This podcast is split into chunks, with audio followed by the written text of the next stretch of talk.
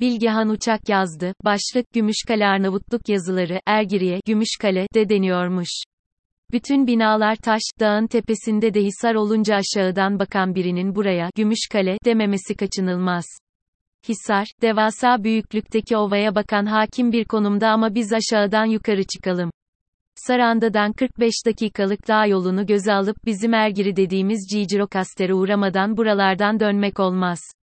Yakın dönem Arnavutluk tarihinde büyük yer etmiş iki insanın doğum yeri burası, Enver Hoca, 1908 ile birkaç kez Nobel Edebiyat Ödülleri'ne aday gösterilen İsmail Kadare, 1936. Biri despotluk ve zulmetmekte, diğeri insanı ve toplumu anlamakta öne çıkmış iki insanın arasında 30 yaş fark olmaması da yaşamın sonuz ilginçliklerinden biri. Kadare, özellikle Ölü Ordu'nun generali romanıyla bilinir ama bu evin atmosferini en belirgin şekilde Taşkent'in kroniğinde görülür.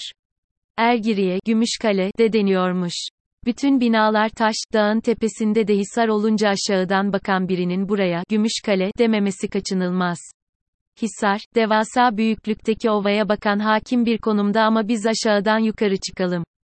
1757'de yapılan Ergiri Camii'nin altında bir arasta var, Balkan böreği ile tanışmam burada oldu.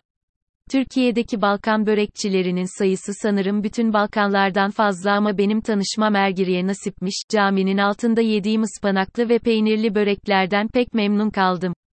Caminin yanından 50 metre kadar yukarı yürüdüğünüzde bir dört yola geliyorsunuz, burası tarihi Osmanlı çarşısı. Etraf hepsi turistlere hizmet veren sayısız hediyelik eşya dükkanı ve kafe ile dolu. Bir yerin sadece turistlere iş yapması oradaki her şeyin niteliğini düşürür. Burada da durum pek farklı değil ama Ergiri'nin taşından gelen bir çekiciliği var ve insan kendini, Tiran'ın aksine, Balkanlarda hissediyor. Ben nedendir bilmem ama konak gezmeye bayılırım mesela Filibe benim için o gördüğüm kaşhanelerden ibarettir. Ergiri'de de görülmeye değer iki konak olduğunu öğrenince yokuştu, merdivendi dinlemeden bu evler genellikle hep en yukarıda olur tırmanmaya karar verdim. Evvela, 1700'de Sikender Sikenduli tarafından yaptırılan, Sikenduli evi, ne gidelim. Üç katlı bu eve girer girmez yaşam alanların bölünmüşlüğü insanın ilgisini çekiyor. 6 banyo, 4 hamam, 12 oda, 40 kapı, 64 cam ve 9 baca, 7 şömine. Evin hemen her bölümü orijinal halinde günümüze ulaşmış.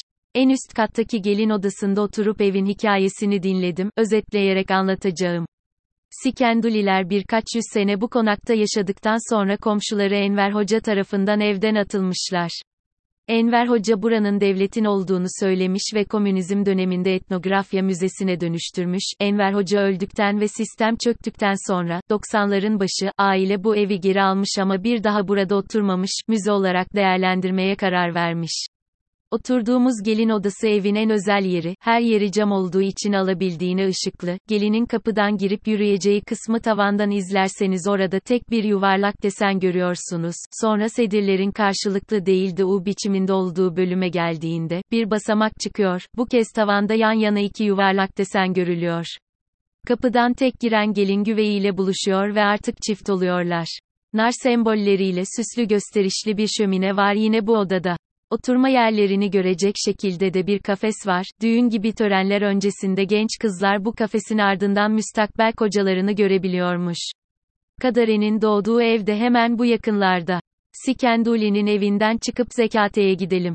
Zekate'nin evi köyün en tepesinde, epey bir basamak çıkmak gerekiyor. Şayet önce eve, sonra da evin en üst katına tırmanırsanız ova ve şehir size bütün cömertliğiyle kendini gösterecektir.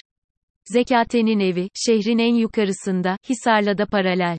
1811'de yapılan bu evin evden çok bir müstahkem mevkiyi andırdığını söylersek sanırım yanlış olmaz.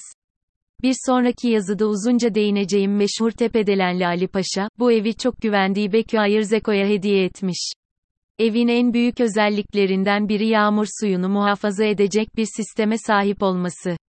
Yaz gelip de su bittiğinde, üstelik ev su taşımak için hayli yüksekte, burada biriktirdikleri suyu kullanıyorlar. Dört katlı evin en alt katı ahır olarak kullanılırken kadınların gündelik zamanın büyük çoğunluğu geçirdiği ikinci katta aynı zamanda bir tahıl ambarı bulunuyormuş.